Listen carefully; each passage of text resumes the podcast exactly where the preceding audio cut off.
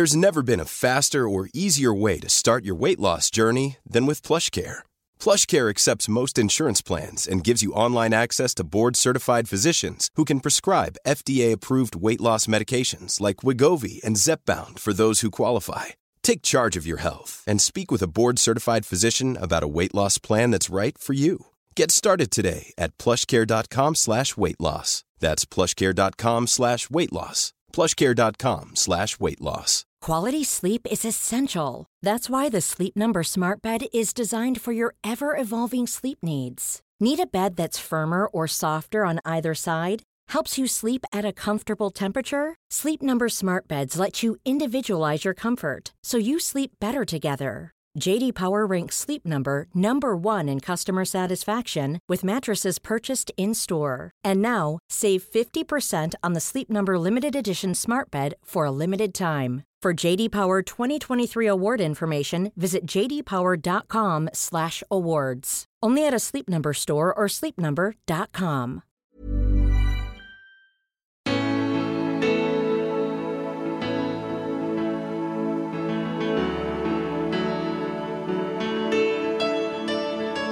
Då, och då kom jag in på en sån plats. Och då tydligen när de pratade om mig där så sa de att jag något inom musikens värld kommer hon väl aldrig kunna bli, men det kan ju vara stimulerande för hennes handikapp. Men då så, så sa jag det att det är klart att jag har tänkt på hur det skulle vara att ha armar. Då skulle man kunna sticka två tröjor samtidigt. Har du sett omslagsbilden till det här avsnittet? Ja, vadå då? Kanske du säger först. Men vänta. Har inte hon klockan på foten och foten under hakan? Precis så ser Lena Maria Vendelius på att hon inte råkar ha några armar och ett förkortat ben. Alla har vi något handikapp eller något som vi inte är bra på. Då får man ju som i hennes fall helt enkelt använda foten. Lena Maria Vendelius har rent av sett sitt handikapp som en tillgång. En inställning som gett henne en karriär som elitsimmare, sångerska och konstnär och som gett möten som många bara vågat drömma om. Det som jag tycker är mest fascinerande är att hon aldrig har sökt ett jobb. Hon säger att hon bara fått erbjudanden. Hon har gett ut 50 album och gjort över 60 turnéer. 80% av alla japaner vet vem hon är och i Taiwan är hon hedersmedborgare. Hon är konstnär och författare till succéboken Fotnoter som översatts till hela 15 språk. Eh, dessutom råkar hon ha sex VM-guld i simning och några världsrekord som inte blivit slagna på över 30 år. Eh, 2010 kidnappades hon av Ingvar Oldsberg till tv-programmet Här är ditt liv. Man ville ha en så kallad vanlig människa i programmet. Och över en natt blev hon Lena-Maria med hela svenska folket. Lena-Maria Vendelius, varmt välkommen till podden Spännande möten. Tack så mycket. Du ruskade lite sådär på huvudet. Det var någonting i den här uppräkningen som inte var, helt... Korrekt. Allt var inte inget. korrekt. Men, men jag brukar alltid fråga för att de, de flesta... Ibland brukar, kan jag missa eh, att... Eh, att nämna någonting och ibland så överdriver jag. Och ja. det lät så på det som att jag hade överdrivit. Eller så är det Wikipedia det är fel på. Det pratade vi om tidigare. Ja. Vad, gör lite korrek Nej, det är två, två VM-guld Eh, och två världsrekord har jag. Två VM-guld och två världsrekord. Och sen så 80% av Japans befolkning hade haft på TVn när jag var med där i det stora programmet. Ja men då var det nästan sant. Ja, sen är det nog inte alla de som kommer ihåg mig. Men... Nej, men det lät bra. Men om hälften kommer ihåg mig så är det ja, många nog. Ja, det är ju fantastiskt i så fall. ja. jag, jag, måste bara hoppa in i det där med eh, Här i ditt liv. Ha. Rakt in. Eh, för att alltså har du en uppfattning om man, vad du tror att man menade med en helt vanlig människa? Jag reagerade för det när jag läste det. Jag vet inte för jag är inte så vanlig. Nej precis. Det är därför jag ställer Nej, men jag tror, Tanken var nog att försöka hitta någon som ingen känner till men som är intressant att ta fram som huvudperson i ett sånt program. Så tror jag tanken är. Mm. Sen jag läste en, en bok en gång som hette att alla är normala till man lär känna dem och så är det väl med alla människor att, att alla har liksom en story att berätta och ett liv att berätta. Eh, och en del kanske är intressantare än andra, det vet jag inte. Men... Mm. Men jag blev utsedd i alla fall. Det var lite på håret att de kanske inte skulle ta mig för det var lite för många som visste vem jag var. För de ville ha någon väldigt okänd så. Men de eh, tog mig till slut i alla fall. Ja, för jag menar, jag kan ju inte påstå att eh, att har man gjort alla de här grejerna som, är, som jag räknar upp, även om det var, då bara var två VM-guld och inte fyra, så får man ändå säga att det inte är jättevanligt. Nej, det kanske det inte är. Men eh, sen eh, genom Unifotkonstnärerna så är det ju ganska många som känner till mig genom de utskick som vi gör med kort och kalender och så. Sen har jag varit ute och sjungit i över 20 år, i, framförallt i kyrkvärlden i Sverige. Och, så, klart, så helt okänd är jag ju inte. Nej. Men för gemene man var jag ju det. Då. Mm. Då var du det? Ja, nu ja. är det inte riktigt så. Eller ja, det börjar bli så igen faktiskt. Ja, vad beror det på? Ja, det, vågen har lagt sig nu. Det var ju 2010 som, som det var och nu tycker jag nu börjar det kännas som att det är något, som det var innan. Ungefär. Ja. Är det, hur är det? Vad tycker du om det? Är det, det är väldigt skönt. om man ska vara helt ärlig.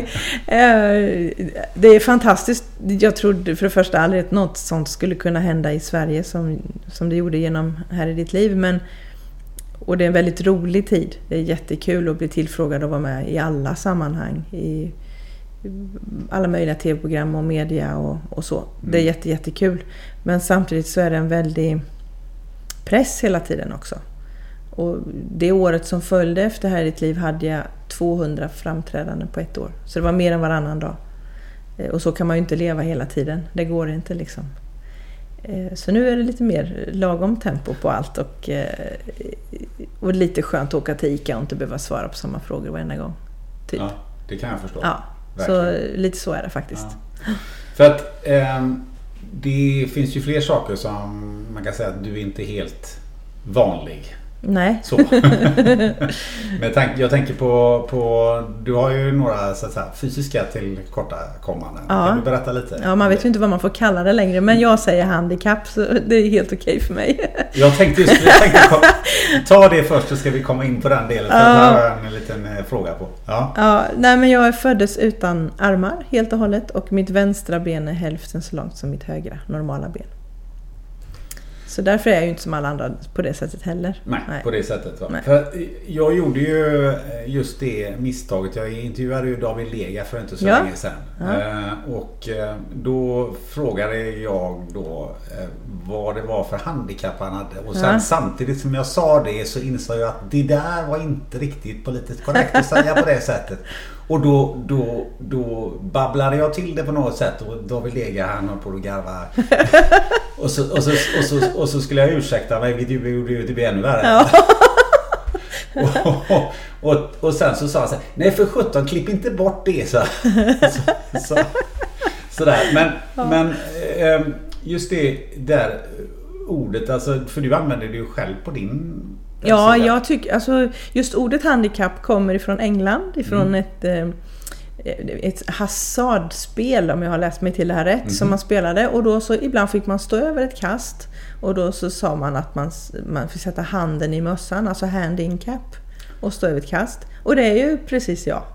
Så jag tycker handikapp är det bästa ordet. Och Men, den förklaringen har ja, jag aldrig nej, hört. Är jätteintressant faktiskt. Det var verkligen superintressant. Ja, ja. Jaha, det är så, så det Jag känner ju inte mig funktionsnedsatt för jag tycker att jag har alla funktioner som jag har. De är ju inte nedsatta. Och nu, nu finns det ett ännu ett nyare ord, nu kommer jag inte på det. Funktionsvariation. Variation, ja precis. Lärde jag mig häromdagen. Ja, det har vi ju alla i och för sig.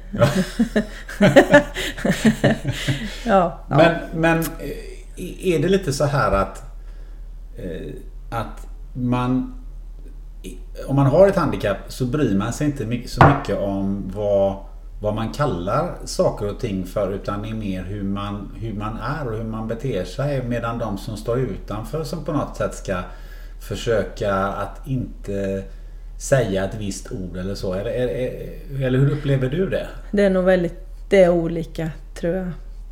Men vad är, vad är viktigt person, för dig person. egentligen? Om du, om du kallar det för handikapp eller funktionsnedsättning? För mig spelar det ingen roll vad man kallar det för jag är ju den jag är ändå. Men ja. för någon annan i min situation så är det jätteviktigt vad man kallar det. Så det är så olika hur man, tror jag, hur man ser på livet och vad man kallar det. Och kanske också hur mycket av ens, av ens egen identitet man lägger i funktionshindret eller handikappet. Tror jag har att göra med det också. Hur, hur då menar du?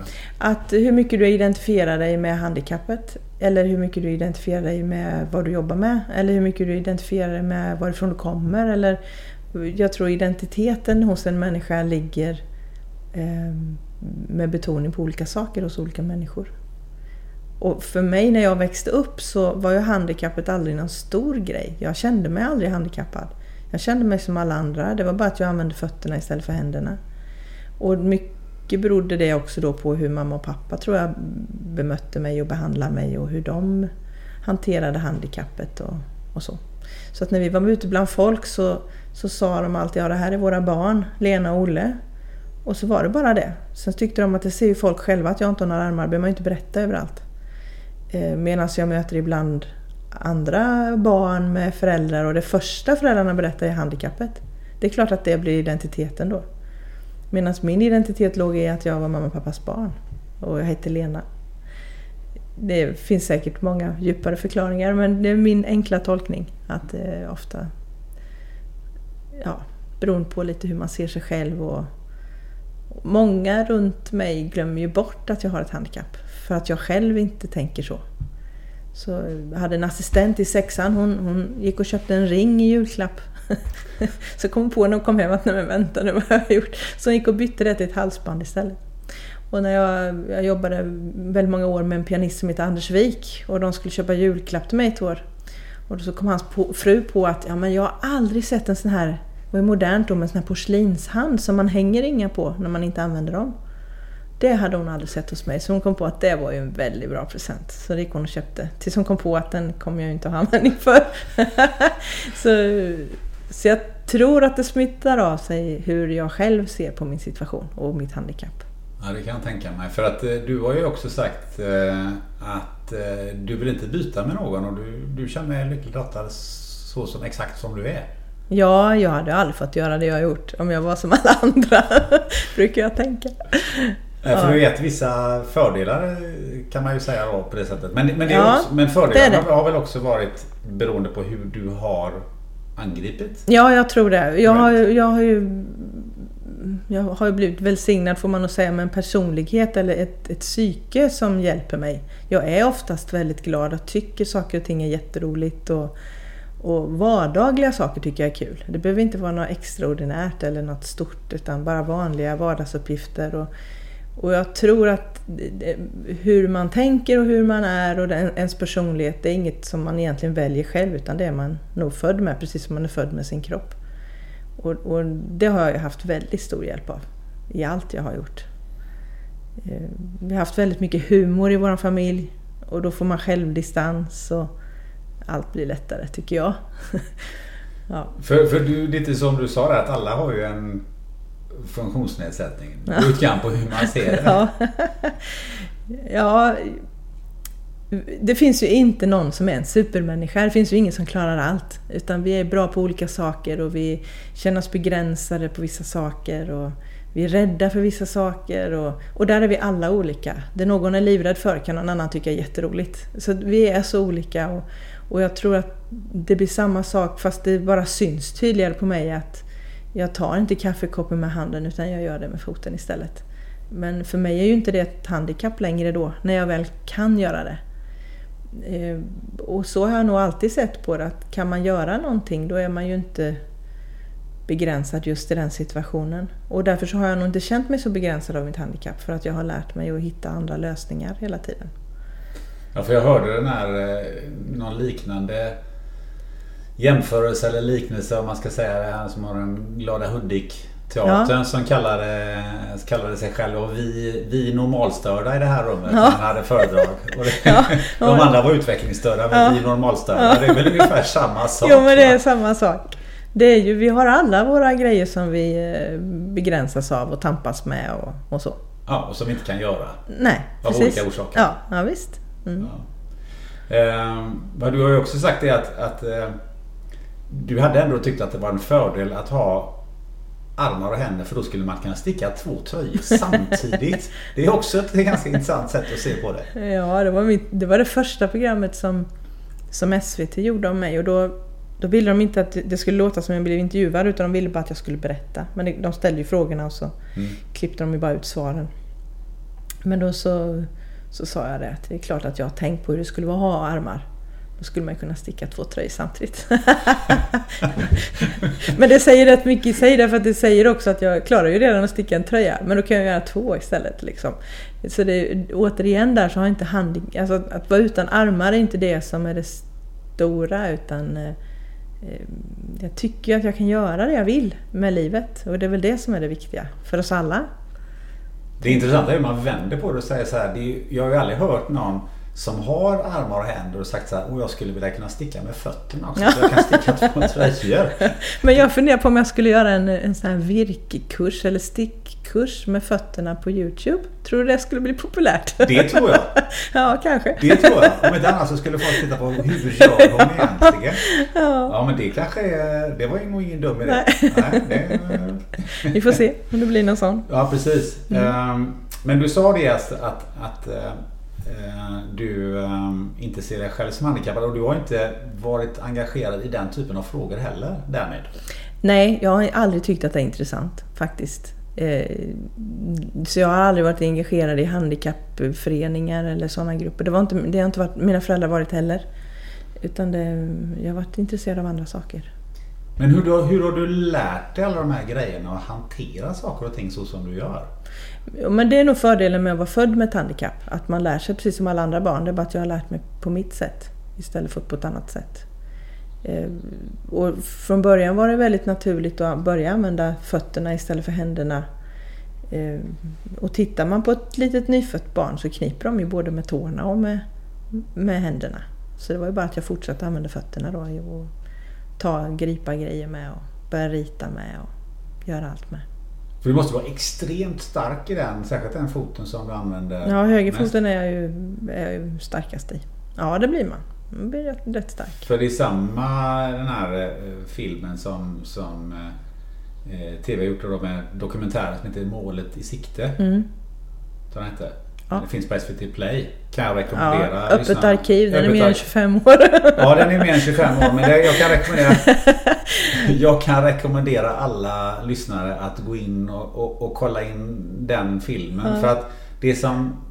Alltså det är många saker som, som förvånade och imponerade på mig. Men den där grejen med den heta kastrullen som du drar av och häller upp i, i uh, en kopp te där. Ja.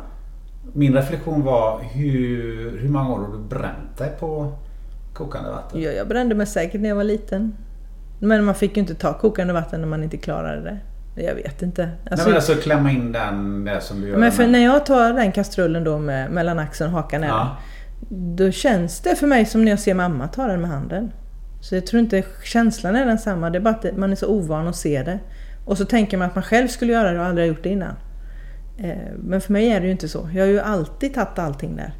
Och alltid använt det greppet när jag ska ta saker och samtidigt måste stå. Så, eh, och det var inte det jag började med. Jag började ju inte med en jag började med mammas locktång sen någon gång var den på. Det var inte bra. Men det var ju så jag började. Jag tog ju liksom saker med axeln och hakan. Och, och det var... Så det greppet använde jag ju till allting. Så fort jag skulle bära någonting så är det ju det greppet som jag använde. Liksom. Så då blev det självklart att ta kastrullen så med när det var dags för det. För du plockar ju ut grejer ur skafferi och sådär eh, också mm. med fötterna och sådär. Men någonting annat som slog mig det var ju, finns det några speciella förpackningar eller eh, förpackningsdesign som är extra jobbig eller som eh, Ja, alltså, det köper inte jag därför att jag kan inte hantera förpackningar. Ja, mjölkpaket är det vidaste greppet för det är mellan lilltån och stortån som jag tar mjölkpaketet. Eh, så sen när det är större kartonger är det ju svårare. Då, får jag, mm. då, då tar jag ofta till då greppet mellan axeln och hakan. Mm. Eller med båda fötterna att man mm. lyfter. Då. Men det är inget som är, det finns inga förpackningar som är omöjliga för dig? Nej, man har ju tänder också. och de är vassa. ja, de använder vi väl allihopa lite då och då. Men eh, om, om man tänker på hur du blir bemött eh, ute på stan och sådär. Är det skillnad mellan hur, vad, vad vuxna och barn säger? Ja, det är det ju såklart. Barn vågar ju säga det vuxna inte säger. Så är det. Och ibland så blir vuxna väldigt generade och, och stoppar barnen och säger någonting för att svara liksom på deras fråga som ofta är fel. Istället för att barnen verkligen får fråga och så får de rätt svar. Och det är alltid lika, lika fascinerande. Eh, framförallt när man är och simmar i badhus så kommer ju oftast det. Nästan varenda gång man är där så är det något. Och så. Men då är- har liksom de vuxna förutsätter vissa svar som, som är, som är- här, är korrekta Ja, men men, det- är inte korrekta. Ja, men det kan vara mamma, hon har inga armar. Nej, hon har nog råkat ut för något hemskt. Eller hon kanske har råkat ut för en olycka. Eller istället för att gå fram och fråga. Men det vågar ju inte folk göra för då tycker de ju att de är påflugna så. Men eh, sen finns det andra som är jätteduktiga som säger att ja, men vi ser alla olika ut. Så, och så. Och det är ju det bästa svaret man kan ge. Ja. För alla ser ju olika ut. ja, verkligen. Och sen kör du ju bil Ja, med foten sådär. ja med båda fötterna. Ja, med Ja, båda fötterna. ja. Men, men du kör med, du har ena foten på ratten. Ja, och så gasar jag och bromsar med den andra. Hur, eh, om du blir omkörd sådär, vad... Nej, det är ingen som ser. Det är ingen som ser? Nej, det tror jag inte. Ibland, det var roligt nu när vi, vi kom från Köpenhamn och så skulle vi igenom, det är ju tull nu, eller man får ju prata med dem. Och sen så körde jag och så blev vi stoppade av tullpersonalen så frågade hon eller så, ja, liksom, allt är okej, ni kan köra. Händerna på ratten, sa hon. Ah, det blir svårt, sa jag. Hon bara, va? Va? det var jätteroligt. jag ser hennes reaktion. Men det är inte så ofta folk ser det, tror jag. Utan, eh, och man, man förväntar sig inte att se det heller. För det ser ruskigt coolt ut alltså. Man Ja. lägger foten på ratten och, Ja.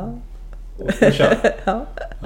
Det, var, det var inte heller jättesvårt att lära sig. Om man, inte, man var ju tvungen att konstruera bilen antar jag på ett Ja, speciellt sätt. ja, och egentligen då på den tiden då skulle jag egentligen åkt antingen ner till Skåne någonstans eller upp till Hedemora och bott på internat och så kört med deras bilar och tagit körkortet och sen eh, skickar man in papper och ber att få köpa en bil och sen byggs den om och sen får man till slut sin bil efter ett halvår. Men jag tyckte det var så dumt så jag gjorde inte så utan jag jag sökte om bidragen först och så köpte jag bil och så byggdes den om och så sattes det in dubbelkommando och sen körde jag i en vanlig trafikskola hemma i stan. Eh, så jag behövde aldrig åka bort. Så ehm, ja, det var... Och det var inte svårt. Jag tog några dubbellektioner och sen så körde jag upp och så klarade jag det. Det var inte svårt. Nej, jag tycker inte det var svårt. Nu måste jag ställa en sån här teknisk fråga. Ja, Eftersom det är ditt högerben du använder på ratten. ja. eh, Är då gaspedalen till vänster om bromsen eller är- ser det precis likadant Nej, ut det är precis likadant. Det är precis Ja, likadant? ja, det är. För det måste vara lur... Alltså, så du har... Så Nej, gasen till, till höger och bromsen till vänster. Ja, okej. Ja. Har vi rätt ut det? Ja. Jag tänker på också eh, det här med allting som du har åstadkommit eh, trots, eh, trots det här handikappet. Hur ser du på det själv? Är det någon sorts bevis på att man egentligen kan åstadkomma vad som helst bara man eh, har tillräckligt med driv och, och, och rätt inställning? Eller hur, hur ehm, ska man tolka det tycker du? Jag vet inte egentligen varför jag har gjort det jag har gjort. Jag har bara gjort. Eller jag, jag har inte haft några mål eller motiv eller så eh, tydligt för mig. Utan jag, det ena har liksom lett till det andra och sen har jag varit väldigt...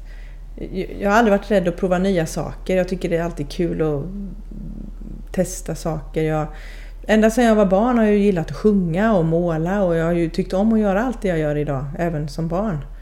Eh, och mina föräldrar var väldigt uppmuntrande både mot mig och min bror att vi skulle... Eh, det vi, det vi är intresserade av och tyckte var roligt, det skulle vi ägna mycket tid åt för då sa de, då blir ni bra på det. Och det gjorde både han och jag. Vi är ju jätteolika och har helt olika intressen men, men eh, så har jag liksom sen levt mitt liv. Jag har ju aldrig sökt något jobb egentligen på riktigt så utan jag har bara fått jobb och sen har jag tackat ja och så och framförallt så är det sångjobb, så jag har ju varit ute och sjungit mycket och sen så eh, när jag gick i högstadiet så gjorde jag min praoperiod hos en eh, munkonstnär i Habo där jag växte upp som eh, var med och startade mun och fotkonstnärerna eh, för 60 år sedan.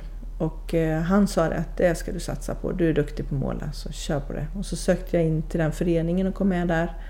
Och sen har jag ju varit med där sedan 1990 också samtidigt som jag varit ute och sjungit och, och sådär. Och sen så har det ena lett till det andra och Så jag kan inte, jag kan inte, när man ser det så här i backspegeln så kan man tycka oj vad du har presterat mycket så. Men, men jag gjorde ju inte allt på en gång. Jag gjorde en sak i taget. Det är som när man eh, läser en bok. Man läser ett ord i taget. Sen plötsligt har man läst den här jättetjocka boken. Och så upplever jag mitt liv också. Att jag, jag bara egentligen gjort det jag tycker är kul. Hela tiden. För det är väl en bra devis där. Eh, men det du tycker är roligt blir du bra på. Mm. Så spelar inte förutsättningarna så fruktansvärt stor roll Nej, egentligen. nej. För det är ju... Många sätter ju de begränsningarna själva. Ja, och framförallt så gör man det utifrån vad man tror andra tycker, ofta. Ja. Och om man sätter begränsningar utifrån eh, att man är rädd och, eh, och inte klarar det eller, eller misslyckas. Och man, eh, Eh, du nämnde ju min första bok där, Fotnoter, som översattes till jättemånga språk. Men sen skrev jag en bok senare som heter Våga drömma. Eh, och den skrev jag väl kanske lite mer som en... Ja, då har jag levt lite. Den, den första boken var jag väldigt ung när jag skrev. Precis som det programmet, Målet i sikte. Sen är man ju med om mycket och man lär sig mycket och man blir lite mer ödmjuk inför att allt kanske inte var så enkelt som jag trodde. Men i, i den boken så var mitt mål väldigt mycket att skriva utifrån att vi har så väldigt mycket mer möjligheter och, och så än vad vi kanske egentligen tar tillvara på.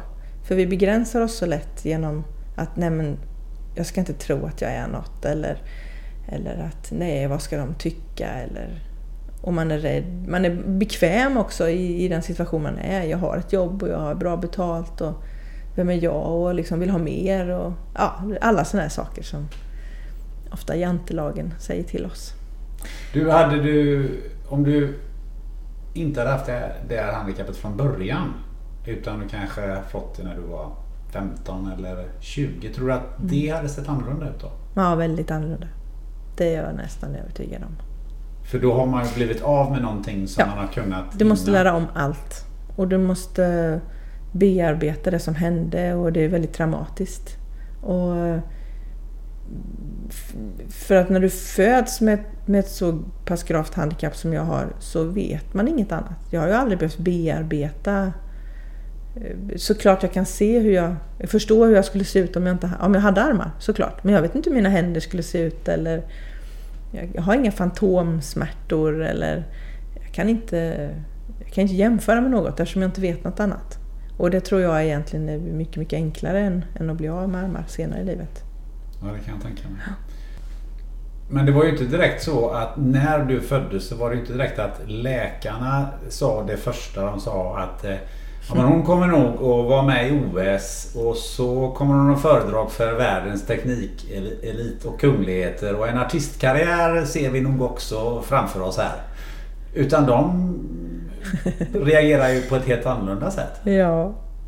Ja, alltså när jag föddes så var det verkligen ingenting som var självklart. Eh, dels, dels så föddes jag, tycker jag själv, i rätt tid. Jag är född 1968 så, och det var precis då som eh, handikappade fick börja gå en vanlig skola och jag fick ta körkort som alla andra. Så jag fick skörda väldigt mycket av det som handikappade innan mig hade kämpat för och jobbat för i form av, av rättigheter och delaktighet i ett samhälle och allt sånt där.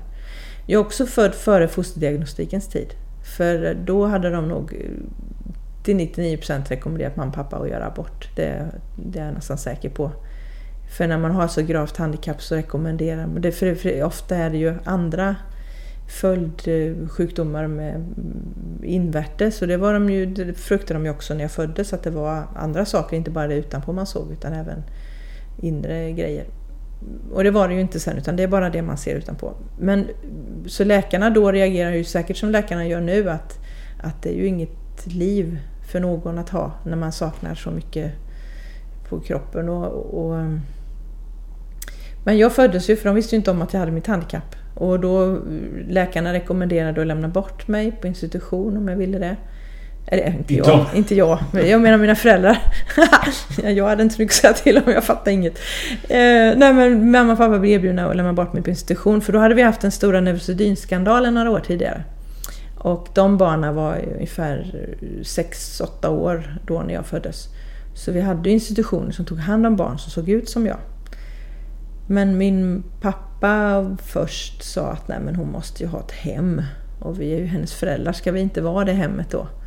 Och mamma hon bestämde sig när hon fick träffa mig första gången. För, för direkt när jag föddes så förde man undan mig till en annan avdelning. För man visste inte då om jag skulle överleva och om det var andra komplikationer och, och så. Så att mamma fick eh, pumpa mjölk till mig ett par dagar innan de fick träffa mig. Så tredje dygnet fick de träffa mig. Och då, mamma var ju fortfarande jättesvag. Det var en väldigt, väldigt lång förlossning. 36 timmar tror jag den tog. Och ehm, eh, mamma blev skjutsad av pappa i en rullstol i kulvertarna på Västra sjukhuset i Jönköping. Till den avdelningen där jag låg. Och då så, när hon såg mig då, då var då hon bestämde sig kan man säga för att ta hand om mig. För då hade alla pratat om allt som var fel, allt som saknades och allt som var ovisst och, och sådär. Eh, så hon visste inte vad hon skulle förvänta sig att se. Men det hon såg då, hon berättat, att det var två små pigga ögon och en liten glad mun. Och då bestämde hon sig för att hon, hon ville älska mig och göra allt liksom, för att det skulle bli bra. Eh, nu kan man inte le när man är tre dagar har jag förklarat för mamma. Men hon sa att jag gjorde det ändå. sanningen, men, eh, sanningen ligger i betraktarens ögon, eller hur? Precis, ja. Det får man ändå säga. Ja, det får man säga. Men hon, eh, så jag växte upp då med mamma och pappa. Behövde aldrig bo på institution. Och eh, är ju väldigt tacksam för det idag. För det tror jag hade format mig väldigt negativt. Om man förstår vad andra berättar om som har varit med om det. Men man tänker på, detta är ju inte extremt länge sedan. Nej, det är det inte. Och då säger man så här, ja men du kan få lämna bort mm. ditt barn. Mm. För att barnet mm. ser inte ut som Nej, som alla andra. andra. Nej, precis. Alltså man, man tänker ju... Skulle någon säga det idag så tycker man ju liksom att det är totalt ja. vansinne. Ja, det, och, samtidigt så man ska komma ihåg att det inte det är inte enkelt att få ett barn med ett fysiskt handikapp just för att det, när det inte ser ut som alla andra så är det inte helt enkelt att bara ja, det är klart jag ska älska mitt barn. Det är inte självklart. Och det tror jag man ska vara väldigt medveten om. Att valet att... För det, det finns andra som gärna tar hand om ett sånt barn. Om det är så att föräldrarna inte känner att de klarar det. Och den valmöjligheten tycker jag är viktig. Det är likadant i hela den här abortfrågan. Att, eh, att eh, jag tycker det skulle vara mycket bättre om vi vågade föda de barnen vi liksom får eh, istället för att göra abort för vi, har inte, vi liksom passar inte med ett barn just nu. Nu har jag ett djur på mig. Du har en spindel på dig. En spindel! du får gärna ta bort den. Ja, vänta, ska se. Oj, där var han. Ska vi slänga ut den? Var han stor? Nej, Nej det var han inte. Han var liten. Ska jag ta och skicka ut honom igen? Skicka ut honom genom fönstret. Jag kände att det började krypa. Ja, den ska vi ta bort. det var ju roligt. Ja, ja, så kan det gå. Jaha. kommer in spindlar på poddinspelningen. Ja, det är inte dåligt. Det är inte dåligt. Nej. Naturen. Va, vad pratade vi om? Vi, prat, ja, men vi pratade om... Eh... Kommer det något här med nu? Nej, Nej bra. Spindlar. Eh, nej men jag tycker att det var en väldigt, du hade var ett intressant resonemang kring den abortfrågan. Ja just det, det var det. Det var det vi mm. pratade om. Mm. Jo, för, för jag tänker när det gäller abort så, så, så har det ju varit lite varit mycket samtal om det nu i media också. Och jag, jag tycker att eh, jag försvarar den svenska abortlagen. Den, den tycker jag är bra. Men samtidigt så ibland tycker jag man tar för lättvindigt på det här med abort. För det är ju ändå på något vis ett människoliv man väljer bort. Och eh, då tycker jag det är bättre att man föder barnet och att sådana par som, som längtar efter barn och inte kan få barn eh, kan adoptera svenska barn. Men där tycker jag vi har, där har vi inte kommit långt. Där, där skulle vi kunna utveckla mycket, mycket mer och skapa ett samhälle där alla verkligen får vara med och få plats. Och, och, så. och det tycker jag man skulle prata om mer och diskutera mer. Utan att man direkt säger jaha, så du tycker att blir man våldtagen så måste man föda sitt barn. Och det handlar inte om det. Det är inte alls det jag ifrågasätter. För jag tycker fortfarande vi ska ha kvar den svenska abortlagstiftningen.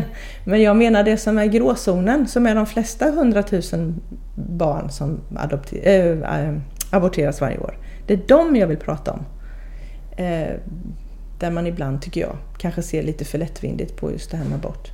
Jag som inte kan det här med just det, adoptions adoptionslagar och vad som finns och, och varför man egentligen inte får adoptera, eller det är väldigt svårt att adoptera barn i Sverige men det är lättare att adoptera barn från, från andra länder. Eh, har du någon bakgrund till varför är det så? Att Nej, inte... jag har ingen aning och jag tycker det är så konstigt. För jag tycker att... Eh, och jag tycker det är så konstigt att det är så fruktansvärt svårt att bli adoptivföräldrar.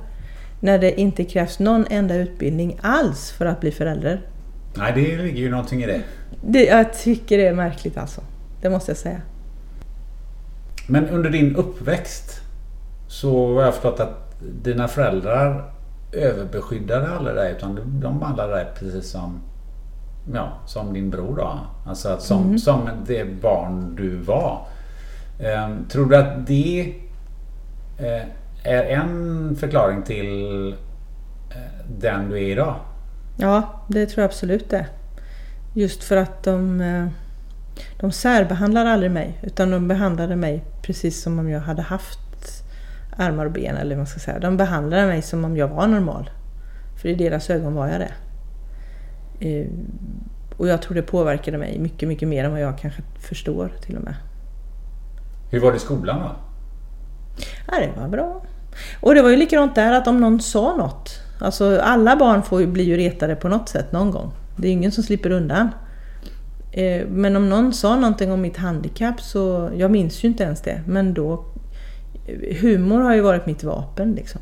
Jag har ju bara skämtat tillbaka. Jag tycker bara det är roligt att jag får uppmärksamhet. Så jag har ju bara liksom skämtat tillbaka om någon har sagt något. Och då är det ju inte roligt att fortsätta.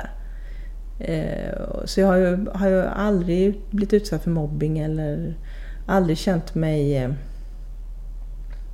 jag har aldrig känt mig i någon slags offersituation eller i någon slags utsatt situation. Utan jag har alltid tyckt att det är ju eh, jag har alltid känt mig hemma överallt. Jag tänker på det här överbeskyddandet som ju det finns en, en risk för eller en, en möjlighet till så när du går i skolan. Alltså du får en särbehandling på det sättet.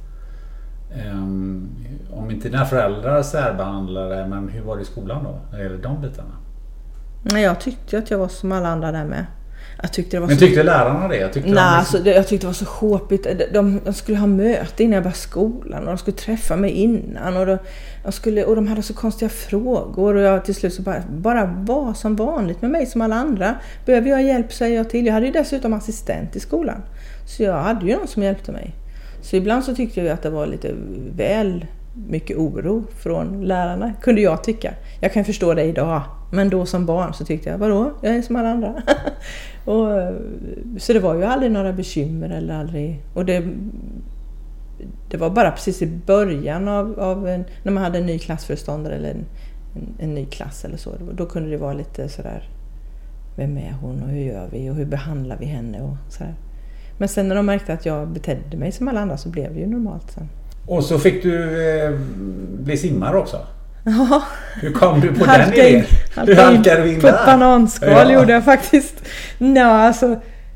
Jag, eh, min mamma och pappa de blev uppringda en dag utav eh, bekanta kan man väl säga. En, en man i Jönköping som var pastor i en församling och han hade en son som var CP-skadad. Och de som familj Eh, med sina barn tyckte att det skulle vara lite kul att kanske börja simma tillsammans med andra familjer som hade någon av barnen handikappat. Så då var vi några familjer som träffades varje vecka och så, så var vi i vattnet och vi simmade och hade roligt och, och lekte och så här. Och sen fortsatte vi med det en gång i veckan ända upp till eh, mellanstadiet någon gång tror jag det var. Då tröttnade jag. Och, eller ja, hela familjen kan man väl säga. Så det där löstes upp. Och så började jag simhoppa istället. För jag tyckte det var så kul att hoppa från trampolin. Så då började jag på en vanlig kurs på simbadhuset i Jönköping och så hoppade från enmeters trampolinen. Och man får ju dyka och hoppa och alla olika så här moment man ska göra.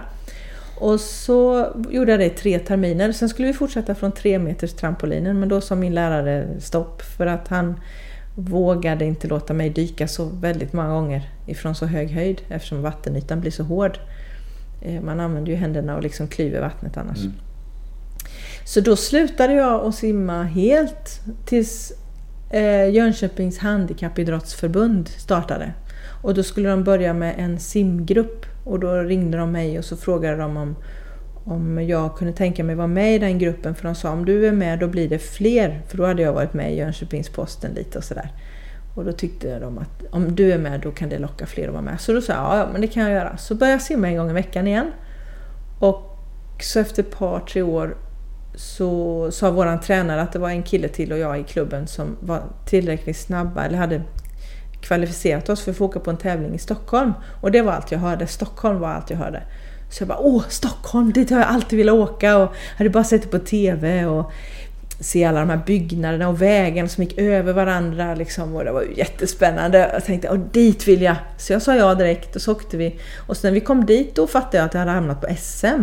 För det hade jag liksom inte riktigt... Hade ingen berättat det? Jo, det hade de säkert gjort men det var bara Stockholm jag hörde. Så ja, så jag kom till Stockholm och så tävlade jag där och det var jättespännande och stort och häftigt. Och då tog jag två guld och ett silver tror jag då. Eller ett guld och två silver var det nog då. Bara sådär? Ja, bara sådär. För jag, jag hade ju bara tränat hemåt. Jag hade ju aldrig haft som, som mål att komma med, i något, komma med i något. Eller tävla på det sättet. Så jag visste ju inte hur bra mina tider var. Jag hade bara simmat för att jag tyckte det var kul att simma. Och då när jag gjorde så bra ifrån mig där, då fick ju landslagsordförande och landslagstränarna ögonen på mig. Så då så sa de att dig vill vi ha med i landslaget. För då tillhörde jag någon, någon, Det handikappet har vi inte sedan innan. Så då tyckte de då ingick jag i någon grupp som de inte hade någon i. Så då plötsligt var jag med i, i landslaget och var elitsimmare från en dag till en annan. Det var jättemärkligt. Och då fick man ju lägga om jättemycket. Jag fick sluta med vissa aktiviteter för då skulle jag börja träna fem dagar i veckan istället för en dag i veckan. Och jag skulle följa en viss diet och sova mycket mer och allt sånt där som hör till elitlivet, eller ja, elitidrottslivet att göra. Och så eh, på hösten sen så var det dags för VM. Och då var det ju jättespännande var i hela världen man skulle få åka på VM. Och så kom brevet på sommaren att du är här med uttagen att representera svenska landslaget i handikappsim som 1986 går i Göteborg. Så jag har aldrig varit vän med Göteborg sedan dess. Nej då. jo då, jag har varit i Göteborg jättemycket. Men ehm, då åkte jag till Göteborg, så var jag med på VM och det var jättespännande. Det var folk från hela världen och det var ju en jätte, jättestor grej. Och då gick det bra, för då hade de precis eh, introducerat en ny klassindelning som de inte hade provat innan. Då hade datorer och grejer kommit. Så att då Eh, eh, vägde och mätte och, och de mätte styrka och mätte längd och allting sånt där, hela kroppen. Och sen så utifrån de premisserna så delades det upp i olika klasser. Innan eh, OS-indelningen det är att man delas in efter vad man har för handikapp och sen i det handikappet är det olika grad då, och olika klasser. Så det finns hur många, många klasser som helst. Så det var det som hände sen två år senare när jag åkte på Paralympics i Seoul då var det den gamla klassindelningen fortfarande. Så då var det så mycket klasser så då fick jag inte simma i den klass jag hade medaljchans i. För den ströks den grenen, för det var för få länder anmälda. Mm. Så det var väldigt, väldigt surt. Annars hade jag ju guldhopp där eh, i fjärilsim, men det blev inte det. Jag fick inte ens simma det. Eh, men VM gick ju bra då, med två guld och två världsrekord. Och de håller tydligen fortfarande än idag. Ja, jag har hört det. Ja, jag har hört det med. Men jag vet inte om det stämmer, men jag tror det.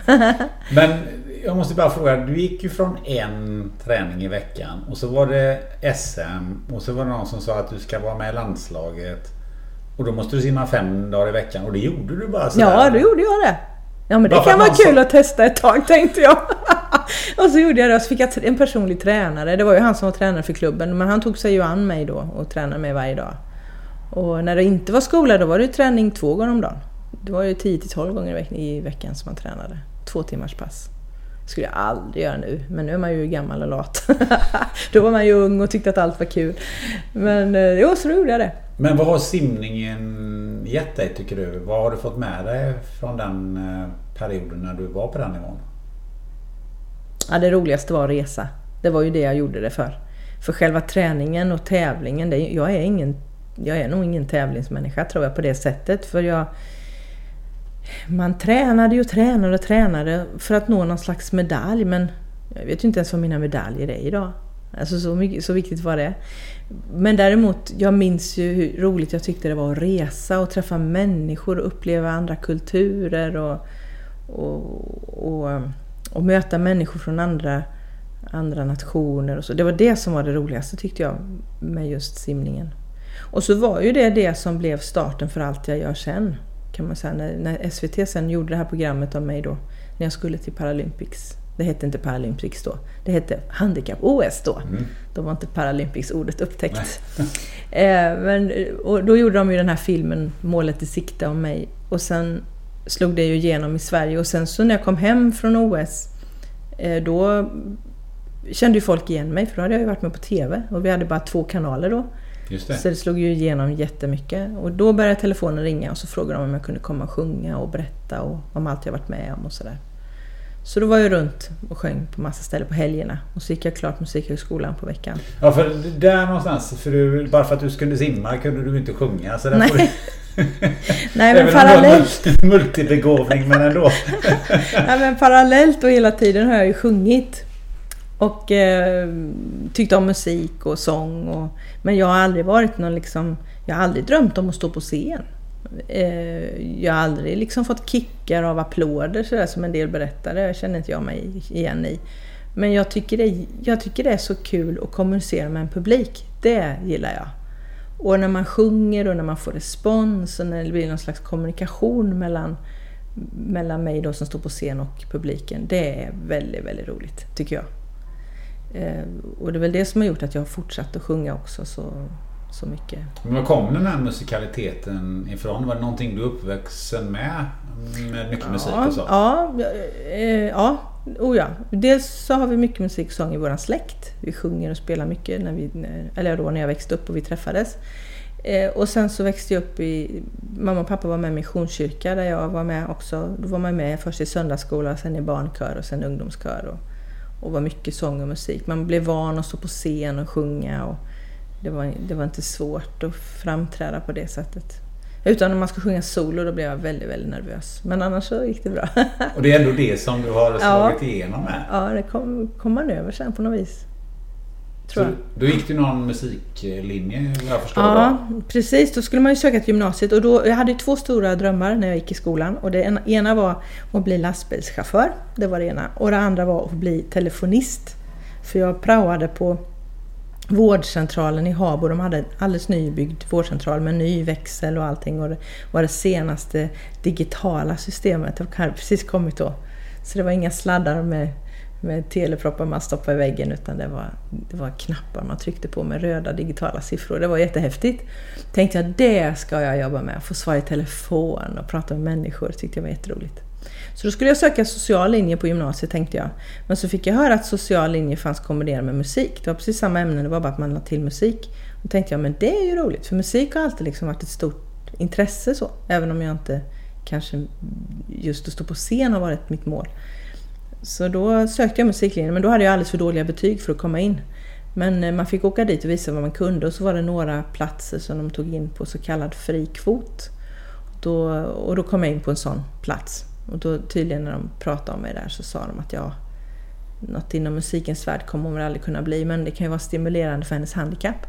Så jag kom in, så gick jag där i tre år och stimulerades. Apropå det du sa, att du fick fördelar av ja, exakt. Ja, så det var verkligen fördel av handikappet där. Och sen efter tre år på musiklinjen, den var ju egentligen bara tvåårig men man kunde välja till ett tredje år då. Och så efter de tre åren då sökte jag till Musikhögskolan i Stockholm.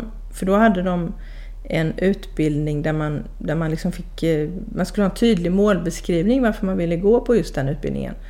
Och då hade jag varit ute ibland och sjungit på ålderdomshem som man sa på den tiden. Och, många gamla Ja, jajamän.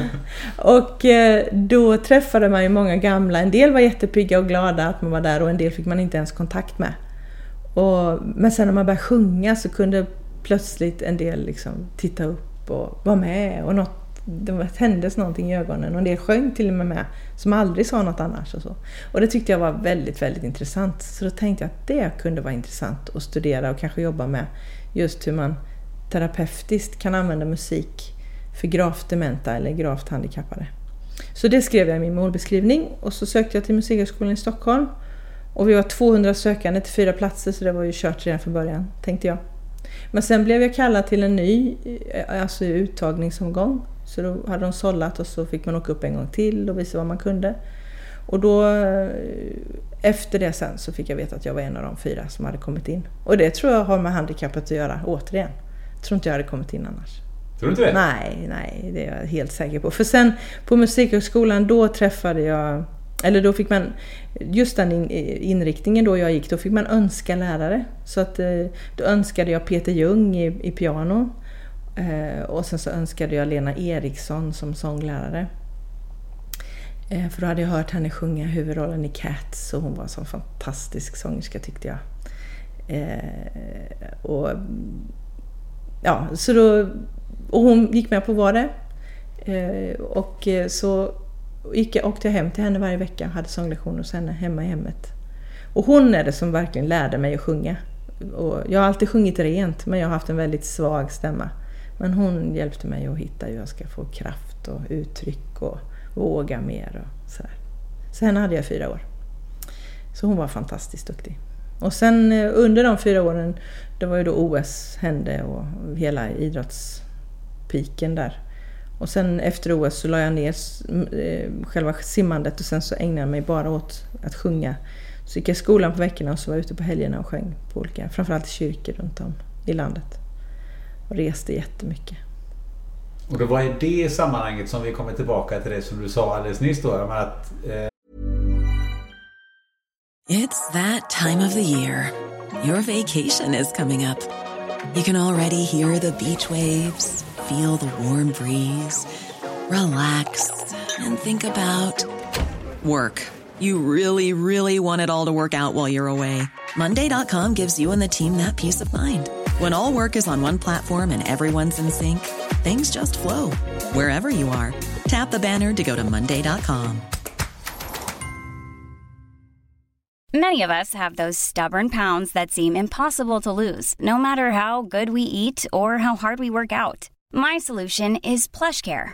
PlushCare is a leading telehealth provider with doctors who are there for you day and night to partner with you in your weight loss journey. They can prescribe FDA-approved weight loss medications like Wagovi and Zepbound for those who qualify. Plus, they accept most insurance plans. To get started, visit plushcare.com slash weight loss. That's plushcare.com slash weight loss. Hey, it's Ryan Reynolds, and I'm here with Keith, co-star of my upcoming film, If, only in theaters May 17th. Do you want to tell people the big news?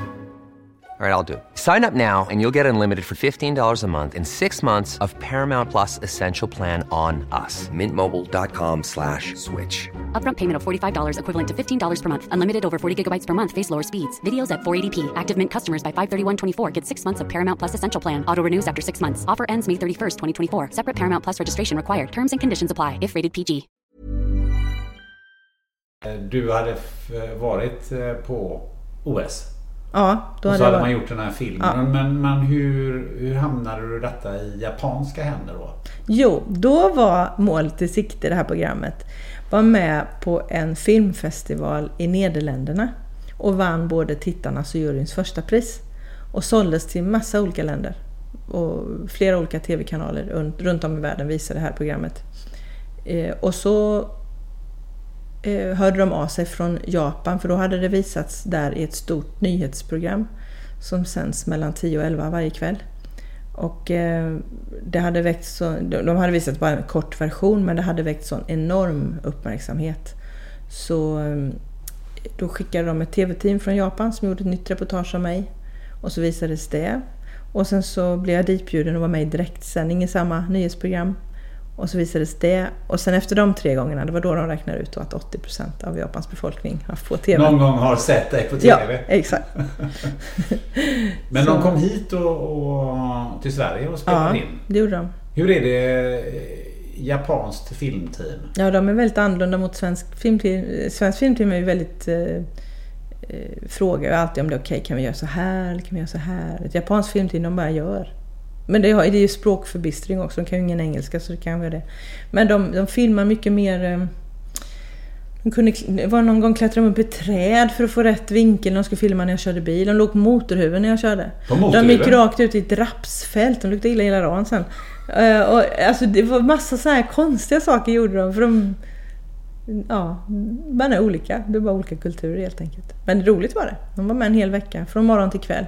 Och så klippte de ner det till sex minuter. Hur de lyckas välja ut de sex minuterna. Men Ja, det kan bra. man ju undra. Mm. Men eh, har du lärt dig några japanska? Ja, lite grann kan jag. Mm. Nu har jag ju varit där så jättemånga gånger. Så första turnén då, eller första resan då när jag var med i AT-programmet var 1991. Sen var jag där på min första turné 1992. Och sen har det ju liksom bara rullat på. Så jag har ju varit där, mm, ja det är väl två eller tre år som jag inte varit där. Men annars har jag varit där en till fyra gånger om året. Typ. Så många turnéer. Ja, det är runt 60 turnéer i Japan tror jag. 50-60 någonting. Och hur eh, många åskådare drar du åt gången då? Det är jätteolika beroende på vad jag gör. Eh, men då när det var som allra hetast, det var i början på 2000-talet och då, då tog Universal Music över och gjorde mina skivor, gav ut fyra olika skivor. Och då var det ju som allra störst kan man säga. Så då fyllde vi ju konserthus i varenda stad vi kom i. Det var jättehäftigt. Det kan vara 4-5 tusen människor. Ja, kanske inte riktigt så stora. Runt ja, två och ett halvt, tre kanske. Men ja, det är lite olika beroende på hur stor stad det är. Men det var... Ja, det var och jag, har sjungit, jag har sjungit i Budonkan. Det är den största sån arenan som eh, alla popsångare drömmer om att få sjunga i. Det är ett häftigt ställe. Så där har jag sjungit. Jaha, vad är det? Och så, ja, det är en sån stor arena som där ska man ha sin popkonsert. Liksom. Har, har du sjungit där i Budokan då är du etablerad. Och du hade en konsert där alltså? Ja, jag sjöng där. Ja. Och sen sjöng du på invigningen av Paralympics. ja, det var en annan sån 98. stor arena i Tokyo. Ja. På, och det var Vinter Paralympics då som jag sjöng på invigningen. Då var det 100 000 i, i den arenan som lyssnade. Och kejsaren och hans fru och, och så. Och, ja. Men varför tror du att du gick hem så just i Japan av alla ställen? Jo, men jag tror en japanare är väldigt mån om framgång. Att, eh, att nå framgång, att lyckas, att eh, göra bra ifrån sig, att få beröm och uppmärksamhet. Det, I Sverige så har vi ett väldigt individualistiskt tänkande medan där är det mer ett kollektivt tänkande. Lyckas mitt företag, då lyckas jag. Så därför är man väldigt trogen sitt företag och sin arbetsgivare och, och, och den man jobbar för. Och, och man, eh, vi tänker att vi ska jobba så vi kan ha en bra semester. Vi ska ha pengar till semestern. Där tänker man inte så. Man jobbar för att det är livet.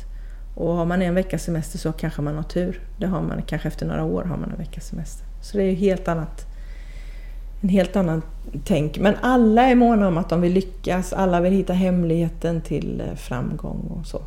Och då när de såg mig, då såg de en person då som har ett ganska gravt handikapp som bodde i en egen lägenhet och försörjde sig själv på sin sång. Och för dem är det otänkbart. Hade jag varit född i Japan hade jag bott på en institution långt utanför stan någonstans.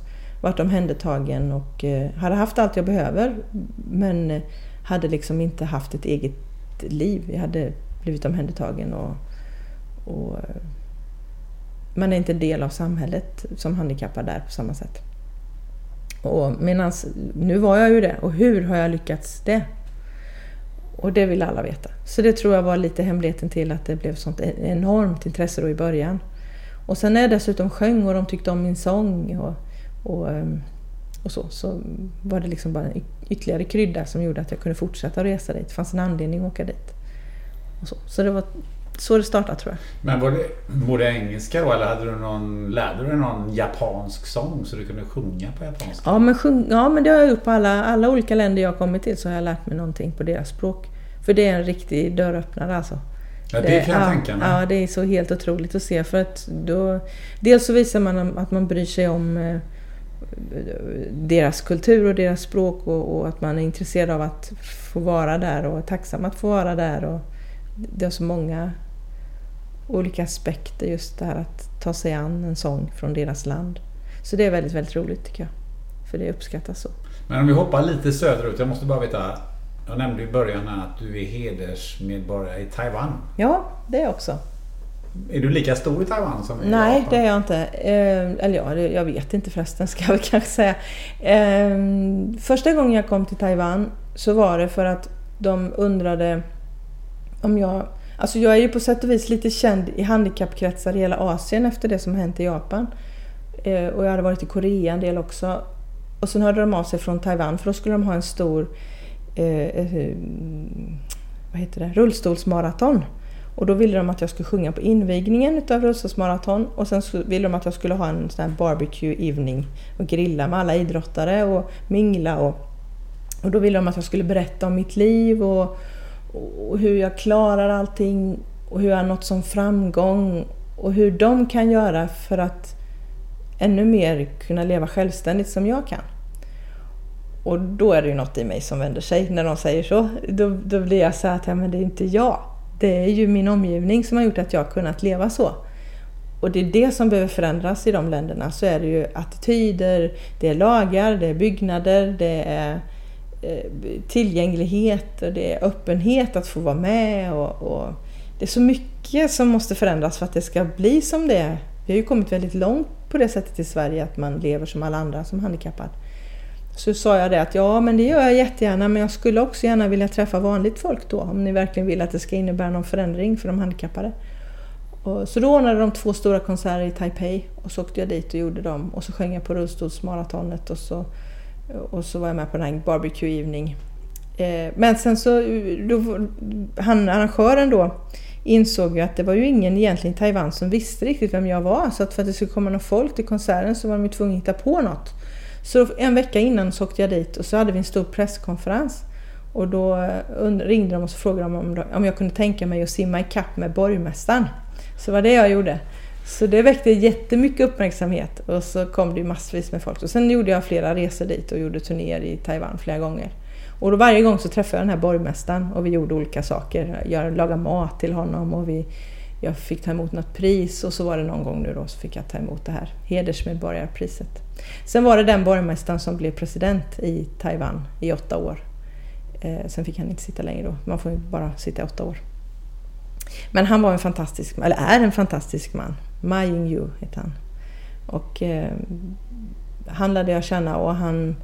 Eh, ja, jag tror nog att det blev lite förändring, framförallt i attityder mot handikappade. Efter att jag hade varit där så många gånger och sjungit och framträtt både i media och i, på konserter och så. För han var med i, eh, på länk i alla fall, eller man hade spelat in eh, honom när du var på det här Här i ditt liv? Ja, det hade de. Det var, det var fantastiskt att få en hälsning från honom där. Det var det, verkligen. Det är rätt coolt. Ja, det, det är inte så är många stort. som fått hälsningar från en president nej, det, från ett land i den storleken. Nej, det är fantastiskt. Det, ja, det är häftigt. Är det. Verkligen. Um, och sen har du varit med efter det här eh, Här i ditt liv så öppnades även dörrarna på svensk TV. Ja, det gjorde Sen efter Här i ditt liv har jag varit i alla möjliga... Dels var jag med på Idrottsgalan. Det var nog faktiskt bland det roligaste. Mm. Eh, då skulle jag vara... Eller jag blev utsedd att vara prisutdelare till Årets idrottare med funktionshinder. Och just det året blev det en simmare dessutom, så det var ju mm. extra roligt för mig. Men eh, då, då som, som prisutdelare har man 90 sekunder när man får säga vad man vill innan man liksom säger vad de nominerade är. Men då ringde producenten där ett par månader innan och så frågade hon om jag kunde tänka mig sjunga en sång istället. Och det säger man ju ja till. Den är mycket längre än 90 sekunder. och så ringde kapellmästaren upp mig och så sa han du, jag har en sång här som jag har velat att någon ska sjunga hur länge som helst. Och nu när jag hörde att du skulle vara med, då tycker jag den passar så bra. Och då var det en av mina favoritsånger, You Raise Me Up, så sjöng jag den där. Så det var nog det bland det roligaste jag gjort i TV tror jag, så var det just att sjunga där. Men sen har jag varit med i Så ska det låta och morgonsoffer och lite tävlingsprogram. Och så Ja, för den i Så ska det låta, det klippet eh, kan jag ju också rekommendera. Ja, det var ju You Raise Me Up. Ja. Det var lite kul för att för att det var ju, eh, det var ju eh, Lotta Engberg som kom på att det var den låten, You Raise Me Up. Men hon ville inte sjunga den så hon lämnade över den till mig så jag fick sjunga den fast det inte var jag som hade klarat svaret. så det var väldigt roligt. ja och, och, eh, Thomas Pettersson ser man ja, fäller en och annan tåg. Ja men han är ju så god. Och vi har faktiskt lärt känna varandra lite grann efter det. Han är en fantastisk människa. Alltså. Han har så... Ja, jag tycker i allt han gör så har han, han är en sån balans i, i humor och i allt han gör. Så jag tycker väldigt mycket om honom. Men eh, alltså, det stoppar ju inte där. Du har ju varit inne på det här med att du håller på med konst. Ja.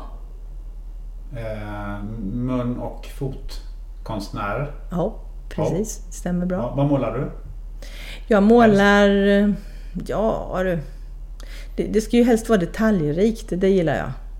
Sen kan det vara lite vad som helst, men mycket natur blir det naturligtvis. Vi, vi, man gör ju mycket tavlor som man tänker ska passa att trycka sen då kort eller kalender eller så. Så det blir ju mycket naturbilder, det blir det. Och det är roligt att måla natur. Det är så levande och kan se ut nästan precis som hur som helst. Eh, så jag målar mest i olja, men även en del akvarell. Men var hittar man originaltavlorna någonstans? Hemma hos dig? Eller? Ja, med i källaren. alltså, varför det? Nej, jag har utställningar ibland. Och så hittar man dem på vårt galleri i Stockholm, på Mun och fotkonstnärernas eget galleri på Bergshamra torg i Solna. Där finns det några. Men i höst här nu ska jag ha utställning i, i biblioteket i Habo. Ska jag vara. Sen har jag ju haft en egen butik också som jag har drivit, eller har fortfarande fast nu har jag ingen lokal för den. Så nu har jag den bara som webbutik. Men innan var jag fyra år i Jönköping och hade en lokal där. Och där hängde jag upp min konst också då, naturligtvis. Ja, intressant. Ja. Och inte nog med det så har du även skrivit böcker. Som jag var inne på. Ja, det har jag gjort också. Ja. tre böcker har jag skrivit. Den första boken Fotnoter nämnde du ju. Mm. Sen eh, har jag skrivit en bok som bara kom ut på asiatiska språk. Som förklarar lite mer hur vi tänker i, i Sverige och lite mer skriven på det sätt de är vana att skriva. Eller ja, lite, lite annorlunda. Skulle aldrig kunna ge ut den i Sverige. Det blir för konstigt. Jaså? Men sen så utifrån den boken Varför kan man då? säga. Förklara. Nej, det är sådär banala saker. Eh, Det är ju väldigt, det ser man på hela den här mangakulturen och allting, det är väldigt naivt. Eh, I vårt språk och i vårt sätt att uttrycka oss så använder vi oerhört mycket ironi och, och vår typ av humor för att beskriva saker, för att liksom förmedla en, en känsla eller en, en insikt eller vad det är. Medan i Japan så bygger det mer på eh, slapstick typ av humor. Så man får skriva på ett mycket mer naivt sätt och mycket mer beskrivande, självklara saker som vi tycker är självklart, som inte alls är självklart där. Så du menar att där förstår man inte ironi? Nej, nej, nej. Du kan inte komma till Japan och säga att det var väldigt var fint väder idag och så det spöregnar ute. Då tycker de att åh, tycker du om regn? Säger de då. Så de, de förstår inte ironi. Menar du det? Jaha, ja, nej, det, det går inte. Det tog jättelång tid innan jag kunde ge ett skämt på scen som folk skrattade åt. De sitter bara och tittar som om de tar det på allvar, vad du säger. Eh, Vet inte vad ironi är. Nej, för det är intressant det där eh, att humorn kan vara så himla olika. Mm. Ja, den är jätteolika. Väldigt det är olika. många som har gått bort sig på det där. Ja, usch, ja, jag med. Jaså? ja, men alltså man, man tror man drar ett jätteroligt skämt och så är det inte en enda som skrattar. Och då innebär det ju att då måste man analysera vad man har sagt för då kanske man har sagt något som man inte alls står för. För man har ju sagt det som ironi. Tvärtom alltså. Och så kan det bli jättefel. jag har inget konkret exempel men det, det är svårt att dra ett skämt som går hem på scen i Japan. Ja, det kan jag tänka mig. Och ett sånt skämt går inte hem här. Heller. Nej, man förstår inte deras skämt. Nej. nej. De kan gapskratta åt någonting och man förstår inte vad var det för roligt med det. Det var ju bara barnsligt. Typ. Så vi är olika. Du nämnde ju också att du eh, är uppvuxen med eh, en... eh, Ja, dina föräldrar gick i, i var det Missionskyrkan. Mm. Ja. Hur, hur har det påverkat Hur har det påverkat dig? Jag tror det har påverkat påverkat mig ganska mycket för det har format synen på, på livet och att tro ändå att det finns en mening med allting på något vis. Jag tror inte det finns mening med allt, som Thomas Sjödin säger. Han säger det att det han tror inte att det är någon mening med allting som sker och det tror inte jag heller för ibland är det vissa saker som är totalt meningslösa som händer. Eh, och det vore nästan elakt att säga att det är en mening med allt. Men eh, däremot så upplever jag att när jag har min tro så tror jag ju att Gud älskar mig, han vill mitt liv, han vill det jag gör och han vill en framtid för mig eh, och den jag är. Och det tror jag har skapat en väldig trygghet i mig. Att eh, Precis som jag är trygg med att jag vet att mamma och pappa älskar mig, det är samma sak. Eh, Och det kanske räcker också. Eh, Men för mig så har tron betytt också att man har någon... Man har en, det blir en större mening till allt man gör. Man gör det inte eh, utan poäng, utan man gör det för att man tror... I det långa loppet så är det en bra grej liksom. Och, Och just det här att få känna sig älskad tror jag är viktigare än man kanske egentligen... Mm, man pratar så lite om det. Eller ja, vi pratar ju inte lite om kärlek. Varenda film och varenda låt är fylld av kärlek. Och alla vet hur viktigt det är att få känna sig älskad. Men jag tror att mm, förstod vi verkligen hur mycket Gud älskar oss som inte har några fel och brister som vi människor har, då tror jag att våra problem skulle bli mycket mindre därför att då skulle vi kunna liksom på något vis, ah, det löser sig för Gud är ju med. Liksom. Men det, det klarar man ju inte alltid precis. Nej. Man vill ju lösa väldigt mycket själv. Men, och ibland ska man nog det också. Men för mig har tron betytt att jag blir trygg och lugn och harmonisk, skulle jag säga. Men du är uppvuxen med det från, Ja, från början kan man ju säga då. ja. Men jag har inte varit med om någon sån här revolutionerande omvändelse eller så. Nej, men man, man kan tänka åt andra hållet också. Att om man är uppvuxen med det här och du ska in i det här och sen blir du tonåring. Och då kanske man börjar göra revolution. Eller Ja, så kan det ju vara också. Ja, och sådana perioder jag har ju på sätt och vis, framförallt när jag flyttade hemifrån då när jag var 19 år. Då, if, då, mötte man, eller då mötte jag för första gången så många människor som hade så helt andra åsikter än jag. Och det var nyttigt. Eh, För då fick jag själv konfronteras med varför tycker jag så här egentligen? Tycker jag så bara för att jag är uppvuxen att tycka så? Eller tycker jag så därför att jag har erfarenhet av att det är så det är? Men det var nyttigt. Och då... Det var, det var bra att få stångas lite också med sin tro och verkligen se, håller det nu? När det är så jobbigt eller svårt eller så. Och det tyckte jag ju att det gjorde då. Um. Tror du att det har påverkat dig att eh, det är just inom Missionskyrkan som du har eh, så säga, uppvuxen i din tro kontra, jag tänker på Svenska kyrkan. Finns det en skillnad där? Jag är ju, jag är ju själv inte troende så jag, det är därför jag kanske ställer lite dumma Nej, det är frågor, en men- intressant fråga. För att... Um, ja, alltså jag tror tron den är ju unik för varje människa. Den har ju egentligen inte med kyrkan att göra. Egentligen. Men Hur sen formas ju tron... Nej, jag menar tror du på Gud eller inte spelar ju ingen roll om du är med i pingst eller mission eller Svenska kyrkan. Det är ju din tro. Du tror ju på det du tror på. Och jag tror på det jag tror på och nästa person tror på det den Man tror inte vara på. med i någon kyrka alls kanske? Nej, det behöver man inte heller för att tro. Eh, Gud är ju större än kyrkan. Ibland tycker jag nog kanske, och det skriver jag lite om i Våga drömma, att ibland så sä- säger kyrkan att kom som du är men bli som oss. Och det tycker jag är så fel, därför att jag tror att, eh, att vara kristen ser ju jätteolika ut även ute i världen. Men en japansk kristen eller en afrikansk kristen eller en italiensk kristen eller en amerikansk kristen. Alla de är ju jätteolika men, men de har ju var och en sin tro på Gud. Och Gud är ju så stor, tror jag, att han har ju skapat oss så olika så han måste ju vara mångfalden själv på något vis.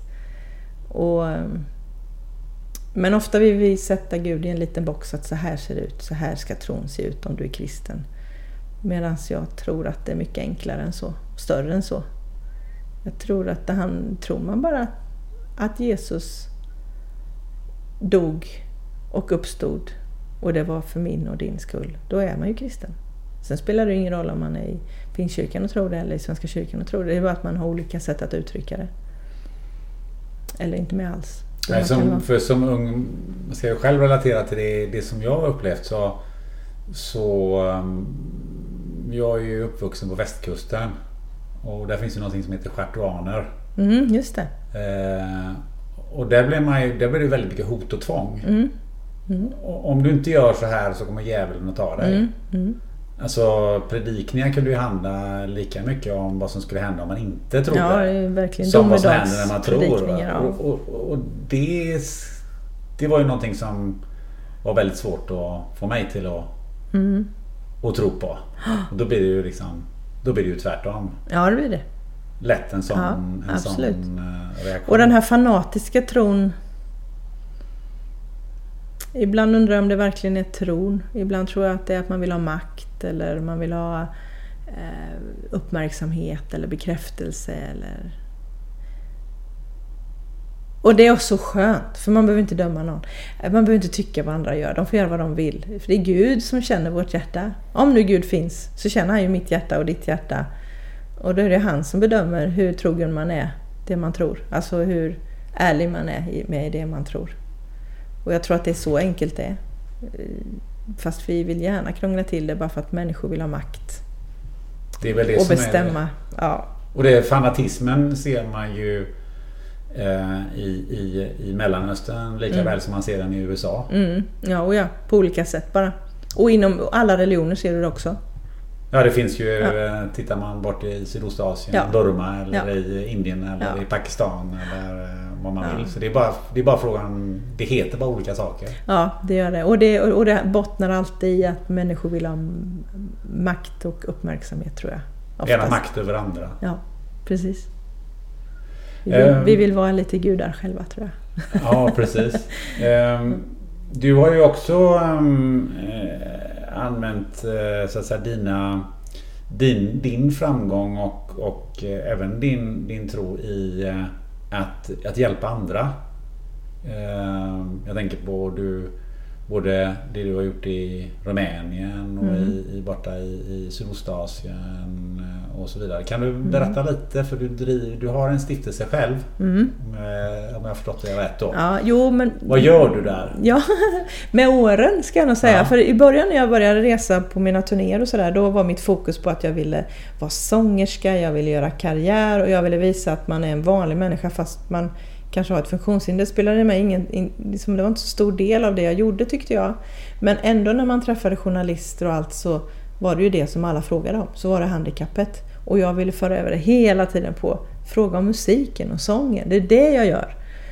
Eh, men sen efter ungefär tio år i Asien så insåg jag att, att jag har ju en, en enorm plattform och ett mandat att tala utifrån eh, som sångerska i min situation. Så då började min, min, eh, mitt fokus kan man säga att ändras. Att jag började tala om mer om mänskliga rättigheter och att vara inkluderad i ett samhälle och att den lilla människan är viktig. Och, eh, det finns jättemycket att säga om det här men, men i Asien när man ser till alla religioner och så, så är det ju en väldig hierarki. Medan vi här i Sverige vi tycker att alla människor har samma värde. Och det är som att det, det ställer sig människor väldigt frågande till när man säger det där. Det är inte alls självklart att alla människor har samma, samma värde. Så är det ju inte, tycker de. Och, och där kände jag att åh, jag vill prata mer om den lilla människan och, och värna om människors rättigheter och att få vara del av samhället och att få, få finnas och få synas och få vara med eh, kände jag blev mer och mer viktigt. Och då också så började jag även träffa eh, barn och, och vuxna och, och, olika människor med handikapp som inte alls fick den hjälpen som de skulle kunna få, som jag tycker att man ska få av samhället, som vi får här i Sverige, som vi tycker självklart att man ska få hjälp med.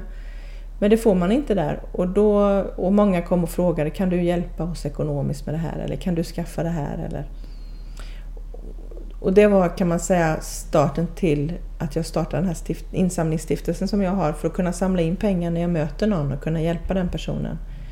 Eh, för hjälper jag personer direkt med mina egna pengar då är de beskattade först. Det är väldigt onödigt. Det är bättre att de får alla pengar. Skatteverket kan stå över den delen tycker jag. Det får man nog tycka. Ja, och då startade jag stiftelsen för då ger man ju... Visst, människor ger ju pengar som är beskattade men, men du behöver inte betala skatt på dem. Och... Eh, ja, så det var starten för stiftelsen. Och sen har jag haft den i ganska många år och, och fått hjälpa några få människor. Den är inriktad på att bara hjälpa enskilda människor. De flesta stiftelser och, och fonder är ju inriktade på att hjälpa grupper av människor. Men den här är lite annorlunda. Så den gör inget stort arbete men den gör väldigt stort för en enskild människa då istället. Och sen det senaste nu är att jag har blivit ambassadör för Erikshjälpen. Eh, och Erikshjälpen är en organisation som är politiskt och religiöst obunden och en människorättsorganisation som jag tycker gör ett sånt fantastiskt arbete över hela världen. Och, ehm, så nu var jag med dem i Belarus, eller Vitryssland som vi säger i Sverige, eh, här, häromveckan och besökte deras arbete. Och jag var där tillsammans med Jonas Helgesson som är CP-skadade, standup-komiker. Och han och jag, vi besökte barnhem eh, med dem ehm, med de barn med de svåraste funktionshindren som finns då. Och där är det ju jätte, jätte, jättemycket att göra, tycker jag. Och ändå är det Europa, det är det som är så konstigt. Det är så nära och ändå så främmande. De lever som vi gjorde här för 78 år sedan kanske. Så, men då tänker man på vad som har hänt i Sverige, det kan ju hända där med. Det är ju ingen omöjlighet. Så då, och då känns det väldigt meningsfullt att få jobba för sådana saker. Och att, eh, så jag tror att mitt, mitt intresse ju äldre jag blir är att, att mer få verka som medmänniska än att göra en karriär. Ja, du har väl gjort det jag, har ju gjort, jag har gjort min karriärresa känns det som. Och det är roligare att få, få hjälpa människor och, och kan verka för att människor också får det bättre. Det är spännande. För du hade gjort eh, någonting i Rumänien, är det, är det länge sedan? Eller? Ja, det var det första projektet kan man säga som jag gjorde innan stiftelsen kom igång. Det var en, eh, det var en kille som heter Sergio som eh, när han var tio år så lekte han i ett ställverk och förlorade, nej, och förlorade balansen så han tog tag med ena handen i en strömförande ledning och en i en jordad ledning. Och så gick ju strömmen rakt igenom honom då.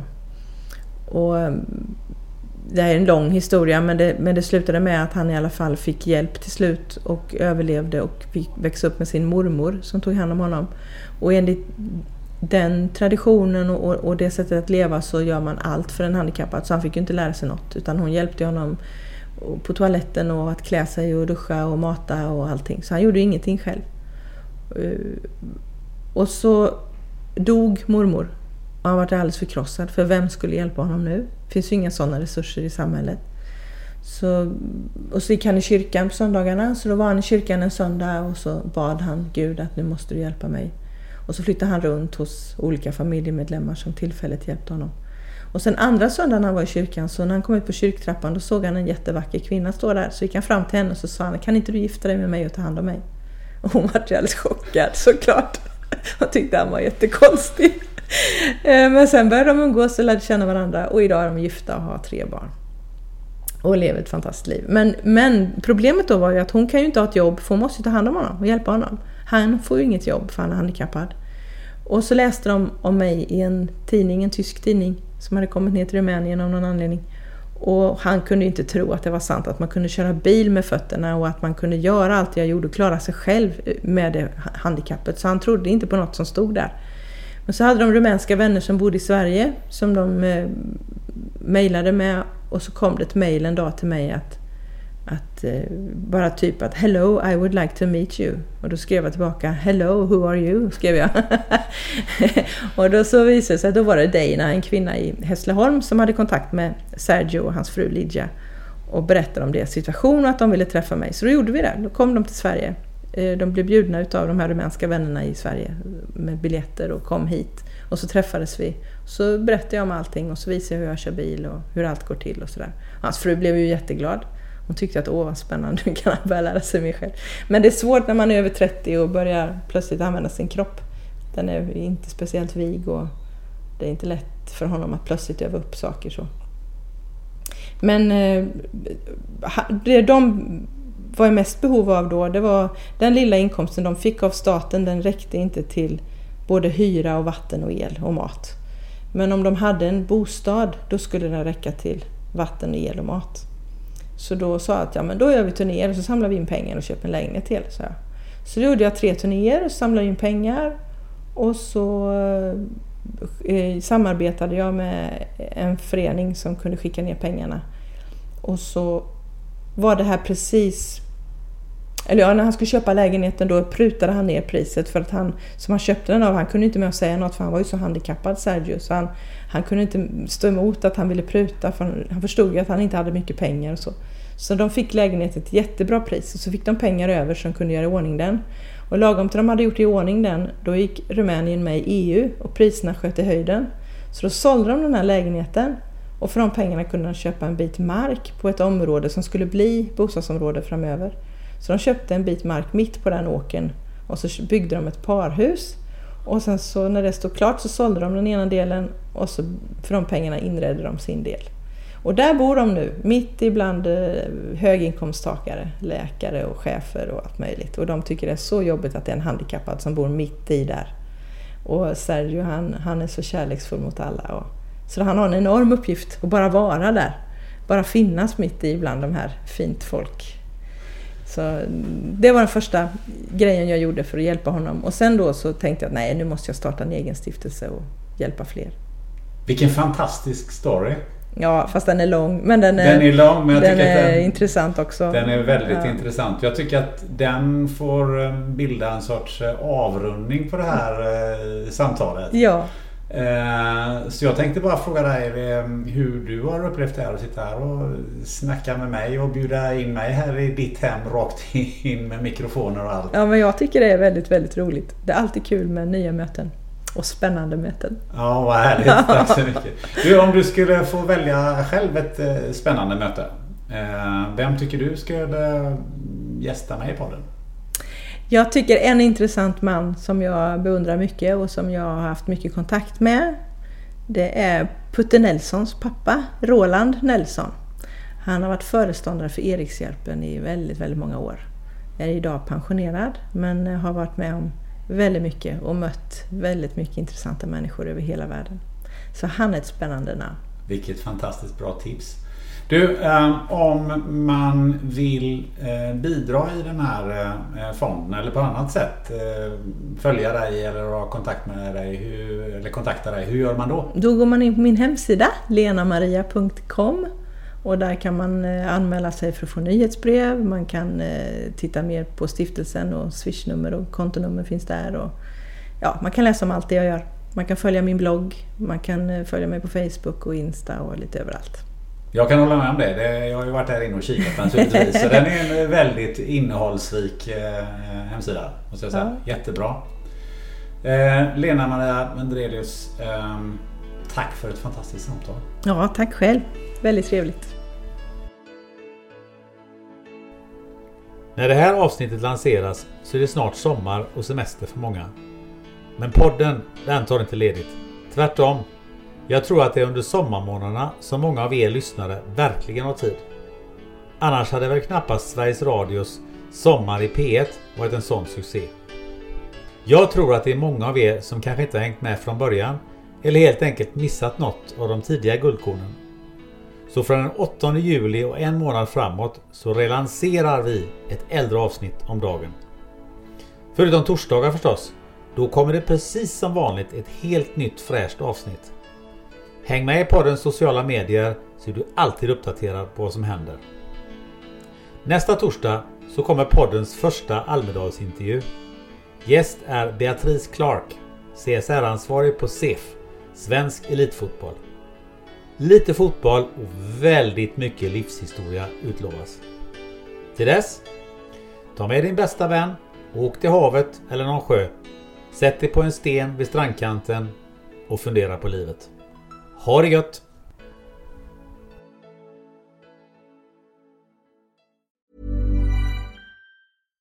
Hi, I'm Daniel, founder of Pretty Litter. Cats and cat owners deserve better than any old fashioned litter. That's why I teamed up with scientists and veterinarians to create Pretty Litter. Its innovative crystal formula has superior odor control and weighs up to 80% less than clay litter.